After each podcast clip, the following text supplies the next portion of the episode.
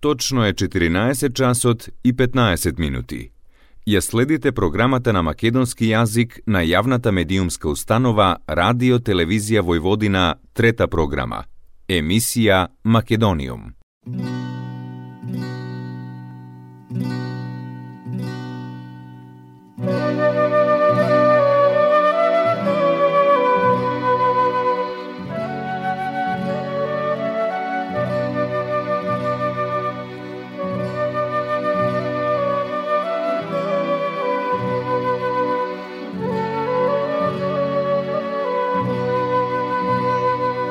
Добар ден и добре дојдовте во најновото издание на емисијата Македониум.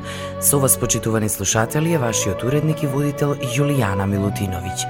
Македониум ја следите секоја среда со почеток во 14 часот и 15 минути на фреквенцијата на третата програма на радиото при Радио Нови Сад или пак одложено преку сајтот на РТВ или подкаст сервисите на Google и Apple.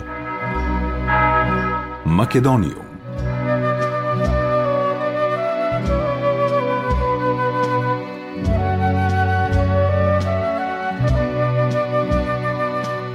Митровден е голем христијански празник посветен на светиот великомаченик Свети Димитри, кој се празнува на денешен ден, 8 ноември.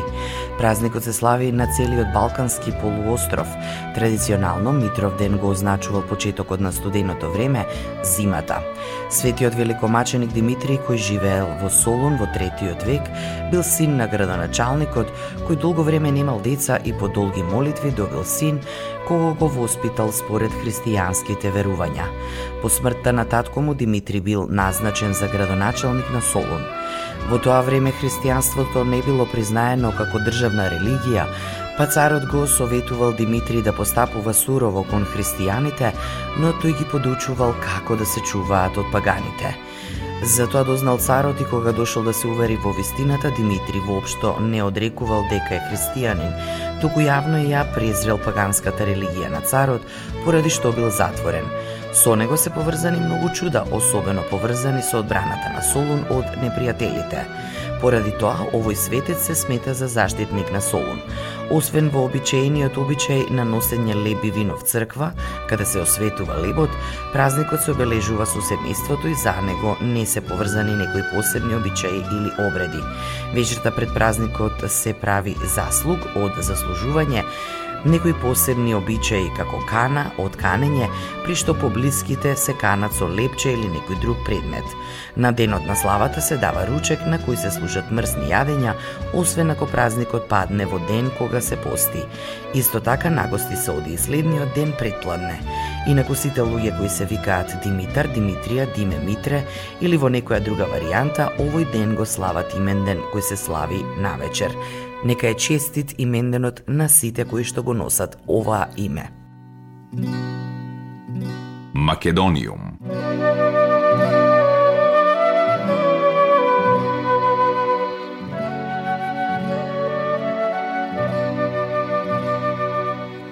Со благослов на српскиот патриарх Порфири и митрополитот Дебарско-Кичевски Тимотеј во катедралната црква Света Софија во Охрид, синоќа се одржа концерт на Прво Београдско певачко друштво.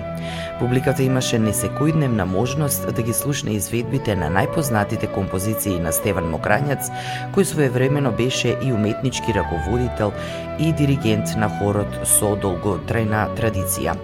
Покрај одличните хорски изведби под диригентска палка на Светлана Вилич, присутните во Света Софија уживаа и во настапите на солистите Ана Цветковиќ Стојнич и Љубомир Чурчиќ.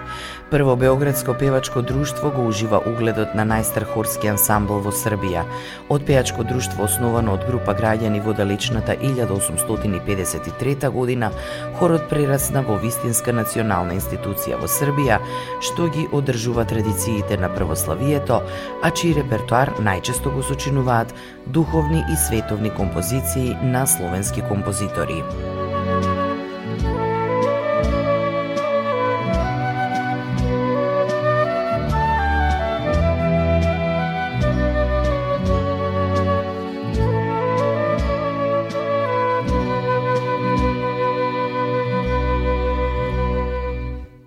Македониум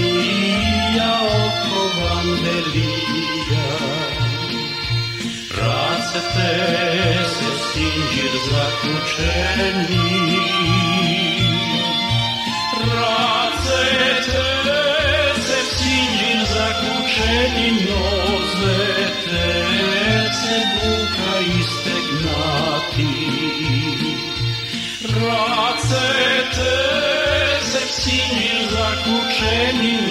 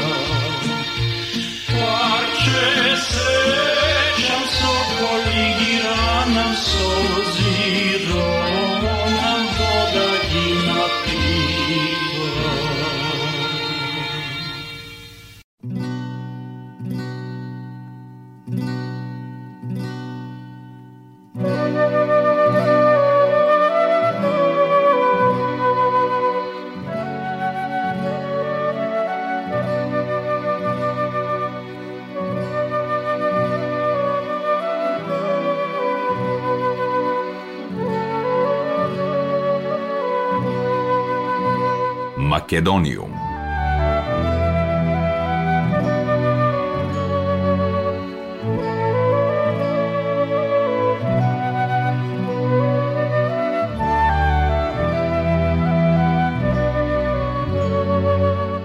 Седмото издание на Медиумски фестивал Скопје 2023 во организација на ПИНА, платформа за истражувачко новинарство и анализи, годинава ќе се одржи од 21 до 23 ноември. Организаторите посочуваат дека годинешното издание на фестивалот ја вперува камерата кон корупцијата и улогата на медиумите во вечната антикорупцијска борба. На фестивалското отворање новинари од Македонија и соседството ќе разговараат за немоќта на медиумите да се справат со овој се присутен феномен, а преку филмскиот избор кадарот се шири на глобалната медиумска сцена со исклучително квалитетни филмски и документарни остварувања кои нудат увид во повеќе слојноста на новинарската задача велат од Пина. Оттаму додаваат дека фестивалот ќе понуди и работилници за активни и надежни новинари, а преку дискусии и јавно презентирање на работата на колегите од програмата за млади новинари и програмата за жени новинари на Пина отвора простор за збогатување на домашната медиумска сцена.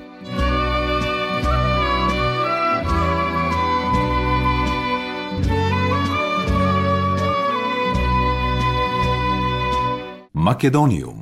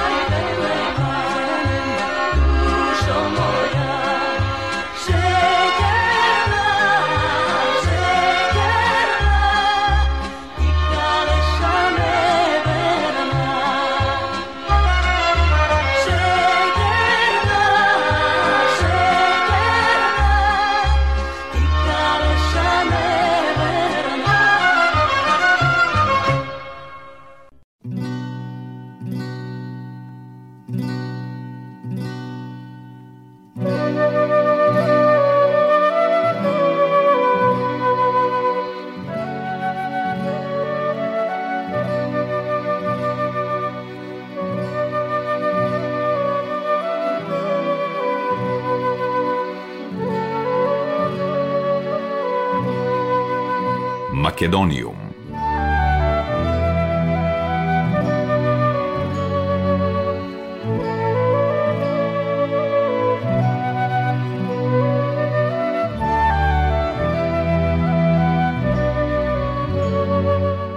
Европската комисија денеска треба да го усвои пакетот за проширување со извештаите на напредокот на кандидатите за членство во Европската Унија за 2023. Јавува дописникот на Македонската информативна агенција од Брисел. По нивното усвојување на седницата на коледжот на комесари, извештаите за напредокот за секоја од земјите кандидати ќе бидат јавно презентирани од страна на Европската комисија. Пакетот ги опфаќа шесте земји од Западен Балкан: Северна Македонија, Албанија, Босна и Херцеговина, Косово, Србија и Црнагора, потоа Грузија, Молдавија, Украина како и Турција, која што се уште официјално има статус на држава кандидат за членство.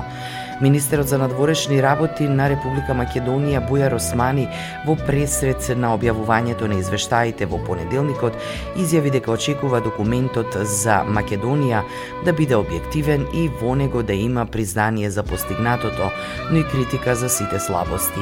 Очекувам објективен извештај. Европската комисија обично е објективна во своите проценки.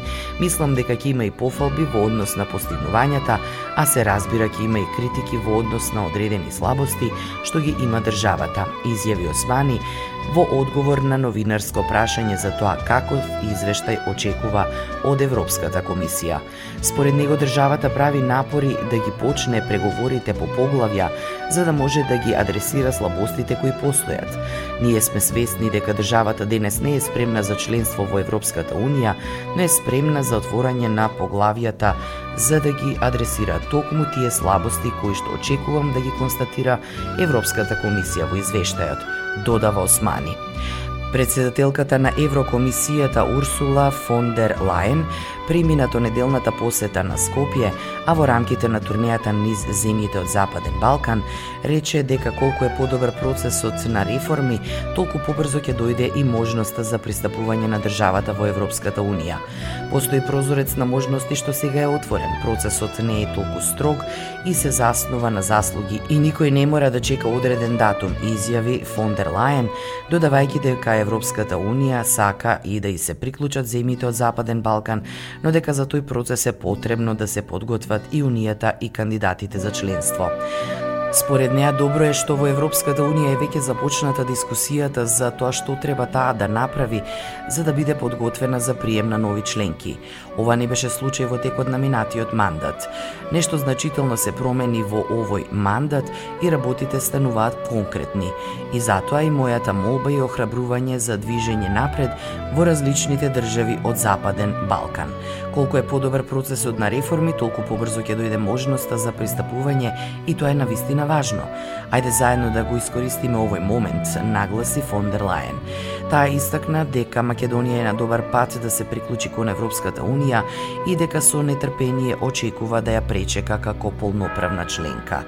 Морам да кажам дека на вистина е неверојатно да се види напредокот што го постигна Северна Македонија, како и незината решителност да се движи напред во вистинска насока. Тоа е импресивно. Знаеме дека Европската Унија има долга историја на пристапување и постојано се работело на проширувањето и на почитување на сите, на секоја нација и на разноликоста која ја представуваме. Затоа еден ден сигурна сум дека ќе ја примиме Северна Македонија со незиниот уникатен идентитет и собствен јазик. Денес веќе имаме 24 различни јазици во Европската Унија, а еден ден ќе го вброиме и македонскиот јазик, додава таа. Европскиот комесар за проширување и соседска политика Оливер Вархеј Во обраќањето на годишната конференција на амбасадорите на Европската Унија во Брисел, пораче дека Унијата на кандидатите за членство мора да им понуди кредибилен пристапен пат кој ќе донесе резултати во реформскиот процес и ќе го намали економскиот јаз. Според него, процесот на проширувањето стана стратешки одговор на Унијата за мир, стабилност и просперитет во услови на фрагментиран свет. Иако од Европската Унија посочуваат дека главен критериум членство и натаму остануваат индивидуалните постигнување и исполнувањето на копенхашките критериуми, сепак агресијата врз Украина и новосоздадениот геополитички контекст даде нов поттик за проширувањето и ги зголеми надежите на земјите од Западен Балкан за побрз прием во Унијата, како што е терминот во игра 2030 година. Во такви услови, главно прашање во Брисел е дали Европската комисија ќе поддржи старт на преговорите за членство со Украина. Според медиумски извештаи, Европската комисија ќе се изјасни позитивно за почеток на преговорите со Украина, Молдавија, а може би и со Босна и Херцеговина, која е единствената земја од Западен Балкан покрај Косово, која се уште го нема започнато преговарачкиот процес со Унијата. Информациите за можното зелено светло за Босна и Херцеговина предизвикува реакции кај дел од дипломатите во Европската Унија, кои оценија дека земјата не заслужува таков статус, бидејќи бележи назадување во однос на владењето на правото. Сепак, последниот збор околу процесот на проширување ќе го имаат лидерите на Европската Унија на самитот предвиден за 14 и 15 декември. Неофицијално во Брисел се споменува можноста еден ден пред ова заседание на Европскиот совет на 13 декември да се одржи специјален самит на Европската унија со лидерите на земјите од Западен Балкан. Од друга страна, според дипломатски извори, високиот представник на Европската унија за надворешна политика и безбедност, Жосеп Борел ги поканил шефовите на дипломатиите на земјите од Западен Балкан на средба во понеделник во Брисел, на која би се разговарало за надвршно политички прашања.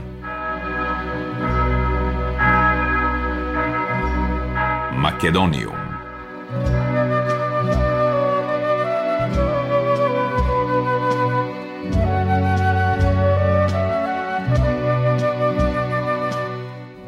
Македонија аплицираше за прием во Европската Унија во март 2004 година пошто во декември следната година доби статус на држава кандидат за членство. Од 2009 година Европската комисија со поддршка на Европарламентот постојано препорачуваше старт на пристапни преговори, но тие не започнаа поради спорот со Грција околу името. Спорот беше решен со преспанскиот договор склучен во јуни 2018 кога стапи на сила во февруари следната година. Уште истиот месец по подпишувањето на договорот, Советот на Европската Унија се согласи за отворање на пристапните преговори со Македонија под услов таа да ги исполнува потребните услови. Во март 2020 Советот на Европската Унија конечно одлучи да одобри почеток на пристапните преговори без да поставува дополнителни услови, пошто во јули истата година Европската комисија ја представи нацрт преговарачката рамка врз основа на ревидираната методологија за проширување.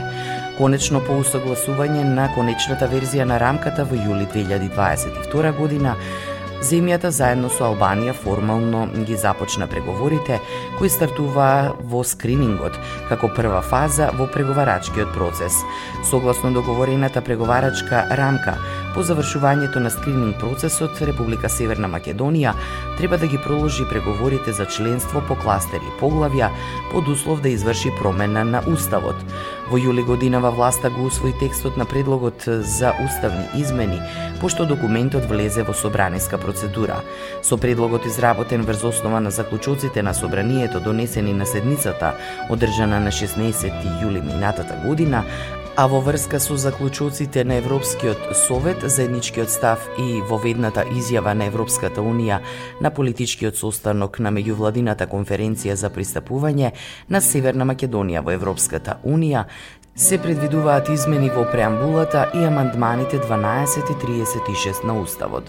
Во преамбулата по текстот граѓаните на Република Северна Македонија, македонскиот народ, дел од албанскиот народ, турскиот народ, влашкиот, српскиот, ромскиот, бошњачкиот народ се става запирка и се додава бугарскиот народ, хрватскиот, црногорскиот, словенечкиот, еврејскиот и египтјанскиот народ. Согласно ова направена е и измена и во Комитетот за односи меѓу заедниците за запазување на паритетот на представниците во парламентот за сите вака утврдени заедници во преамбулата на Уставот. Со измените на амандманот 36, со кои се заменети членот 49 и амандманот 2, се предлага уставната обврска на Републиката за грижа за диаспората на македонскиот народ и за деловите од албанскиот народ, турскиот македонскиот, влашкиот, српскиот, ромскиот, бошњачкиот и другите, се предлага да се дополни со уставна обврска за грижа и за диаспората на деловите од бугарскиот, хрватскиот, црногорскиот, словенечкиот, еврејскиот и египтјанскиот народ.